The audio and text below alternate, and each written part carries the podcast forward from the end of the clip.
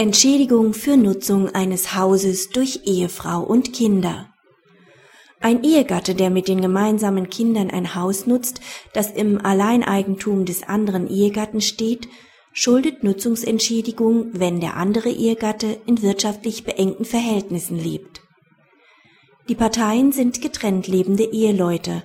Sie haben drei gemeinsame minderjährige Kinder. Der Ehemann hat ein weiteres nicht-eheliches Kind. Die Ehefrau bewohnt mit den drei gemeinsamen Kindern das im Alleineigentum des Ehemanns stehende Haus. Der Ehemann begehrt von der Ehefrau die Zahlung von Nutzungsentschädigung. Hierfür beantragt er Prozesskostenhilfe. Dies wird ihm vom Amtsgericht verweigert. Er legt hiergegen sofortige Beschwerde ein. Das Oberlandesgericht gibt dieser statt. Die Ehefrau schuldet die ortsübliche Miete abzüglich des auf die Kinder entfallenden Wohnkostenanteils, der beträgt 20 Prozent des nach der Düsseldorfer Tabelle geschuldeten Kindesunterhalts.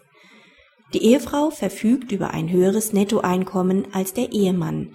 Sie nutzt das Haus schon vier Jahre und hat nie einen Teil der Hauslasten getragen.